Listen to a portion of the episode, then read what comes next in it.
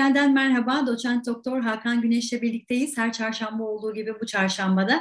Hakan Bey hoş geldiniz. Hoş bulduk. Hakan Hocam çok başlıklı bir Türkiye gündemi var yine. Zamlar, enerji kesintisi hala tartışıyoruz. Bir yandan CHP lideri Kılıçdaroğlu'nun troll açıklamaları, bir yanda bir TV programında genç bir kızın maruz kaldığı muamele, bir yanda da küçük bir çocuğun CHP liderine söyledikleri. Şimdi gündem yoğun hocam ama biz isterseniz cımbızlayalım, e, gaz kesintisine bir bakalım, gaz ve elektrik e, enerji kesintilerine. Şimdi bu noktada Cumhurbaşkanı Erdoğan'dan bir açıklama var.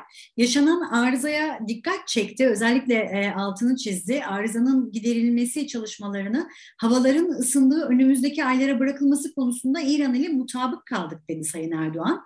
Şimdi tabii burada önümüzdeki aylara neden sarktı sorusu akıl, akıllara geliyor Hakan Hocam. Tekrar aynı sorunu yaşar mıyız? E, bu korku devam ediyor. Hatta evlere yansır mı? Evdeki gaz, evdeki doğal gaz kesilir mi? Bunun korkusunu yaşıyor insanlar. Ama bunun bir, bir sorun bu olsun Hakan Hocam. Bir de uzatmadan e, ayrıca Sayın Erdoğan Azerbaycan hattından aldığımız doğal gaz miktarını da arttırdık dedi. Yani e, özetle hem Erdoğan'ın bu sözlerini nasıl yorumluyorsunuz hem de İran'a bağımlı mıyız bu anlamda? Rusya ve Azerbaycan ile Türkiye'nin bu anlamdaki ilişkisi nasıl? E, söz sizde hocam. Evet. Evet. Şimdi bizim tabii e, enerjimizin yüzde kırkı esas itibariyle doğal gaz ve bunun da ancak yüzde böyle dokuz onluk bir dilimi İran'dan e, alınan doğal gaz. Dolayısıyla çok fazla bağımlı değiliz. Ama e, ülkenin belli sektörlerine, belli bölgelerine giren doğalgazın e, menşei İran ve bunun e, yeterince depolara sahip olmaması nedeniyle e, oluşma yani onun olmaması durumunda ciddi bir e, sistem sorunu e, ortaya çıkıyor. Çok sayıda bölgeyi zincirleme etkileyebilecek bir enerji problemi çıkıyor. Çünkü enerjimizi de biz önemli ölçüde doğal gaz çevrim istasyonlarından elde ediyoruz. Dolayısıyla aslında bir kez daha gördük. Bu konuda biliyorsunuz birçok tartışma yapıldı. Mesela Türkiye-İsrail yakınlaşmasının bir sonucu olarak mı İran acaba uyardı dendi. Efendime söyleyeyim e, e, enerji piyasalarında e, İran kendi içindeki e, e, ihtiyacı karşılayamayacak duruma geldi. O nedenle bir bahane üretti. Şimdi içeride kriz yaşayacağını Türkiye yaşasın mı dedi. Bir dizi senaryo konuşuldu ama günün sonunda Enerji Bakanlığı'nın e, yetkililerinin verdiği bilgilerde ortada gerçekten bir teknik arıza olduğu yönünde. Ee, ve bunu da hızlıca çözemeyecek veya burayı bypass edecek, burayı takviye edebilecek bir enerji e, aktarımı da İran'da yapamıyor. Çünkü onda gerçekten içeride çok ciddi ölçüde doğal gaz kullanımı var ve benzeri. Yani şunu söyleyebiliriz özetle İran'dan kaynaklanan bir siyasi krizin işareti değil. Birincisi bu. Ama bu sorun tıpkı e, orman yangınlarında olduğu gibi birisinin çıkarmasına gerek yok. Ortada bir e, yanlışlıkla birisinin çıkardığı bir şey olsa dahi bunu söndüremeyen bir devlet var. Bu, bu örnekte de e, enerji e, sorununu çözememiş ve bunu yönetemeyen bir hükümet var şu anda Türkiye'de. Çünkü biz e, Rusya uçak krizinden beridir aslında e, doğal gaz yani İran gibi de değil çok büyük bir kısmını Rusya'dan karşılıyoruz uçak krizinden beridir biz aslında bu sorunun e, nasıl e, çözüleceğini daha ciddi şekilde konuşuyoruz ama henüz atılmış belli ki adımlar yok. Çünkü başka işlerle uğraşıyor malum politikacılarımız.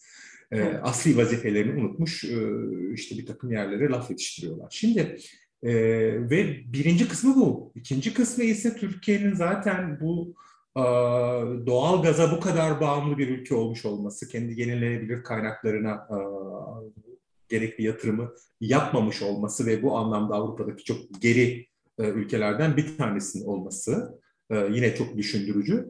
Buradan çıkarılacak hiçbir ders yok. Yani bu, bu ders, bu, bu siyasilerle bunların değişmesi mümkün değil. Farklı bir büyüme, farklı bir çevre ve farklı bir enerji politikasını e, hayata geçirebilecek daha genç, dinamik ve doğru dürüst e, ekolojist perspektifi olan e, politikacılara ihtiyacımız var bizim açıkçası. Çünkü e, bir değil, iki değil yani çok uzun zamandır bütünüyle doğalgaza bağlı bir ülke haline getirildik.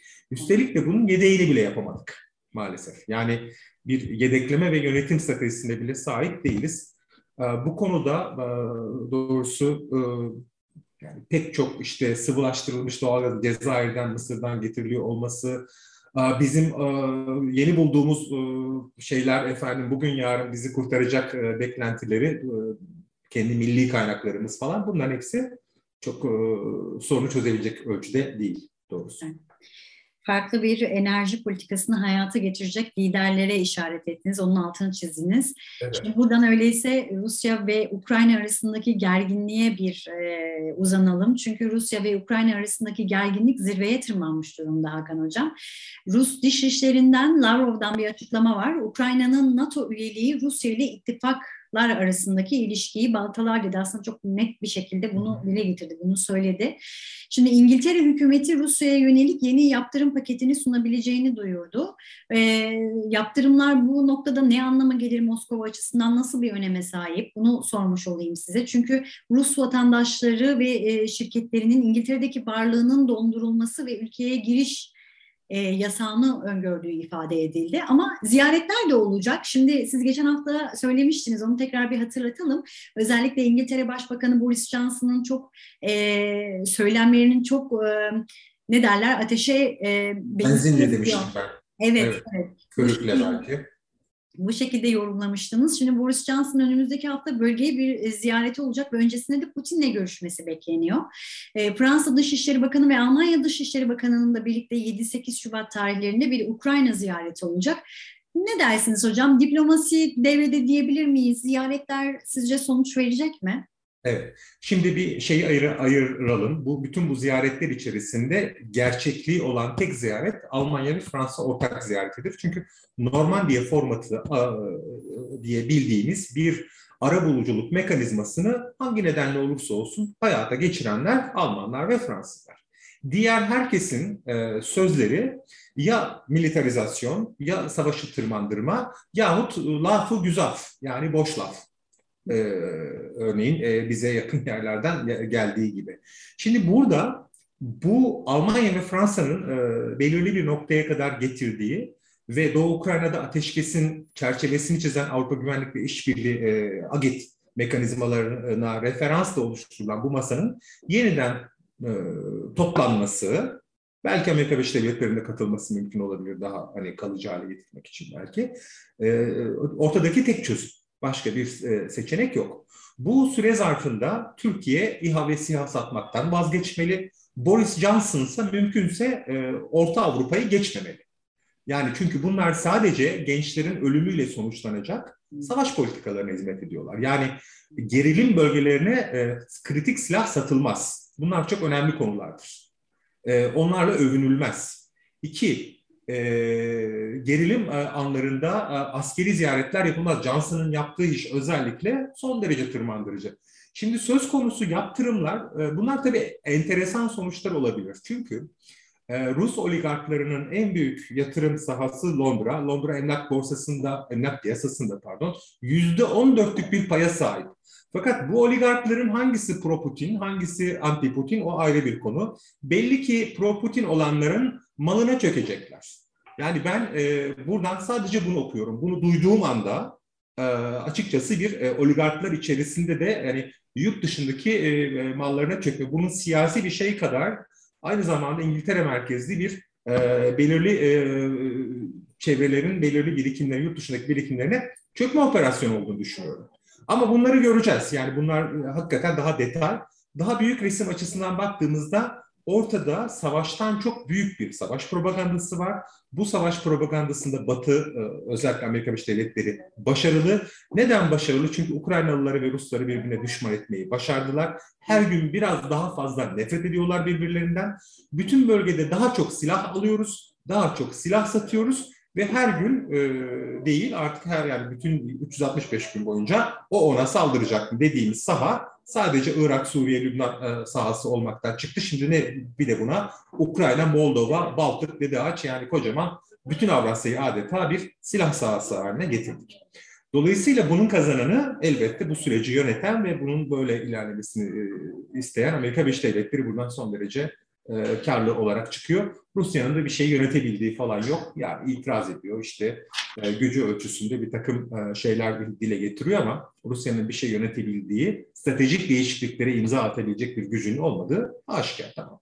Yani bazı küçük şeylere müdahale edebiliyor ama çok sınırlı. Bunlardan bir tanesi örneğin işte Doğu Ukrayna, Kırım bu kadar. Daha fazlasına örneğin stratejik olarak Ukrayna'nın batı yönelimini engelleyemez. Geçti o artık.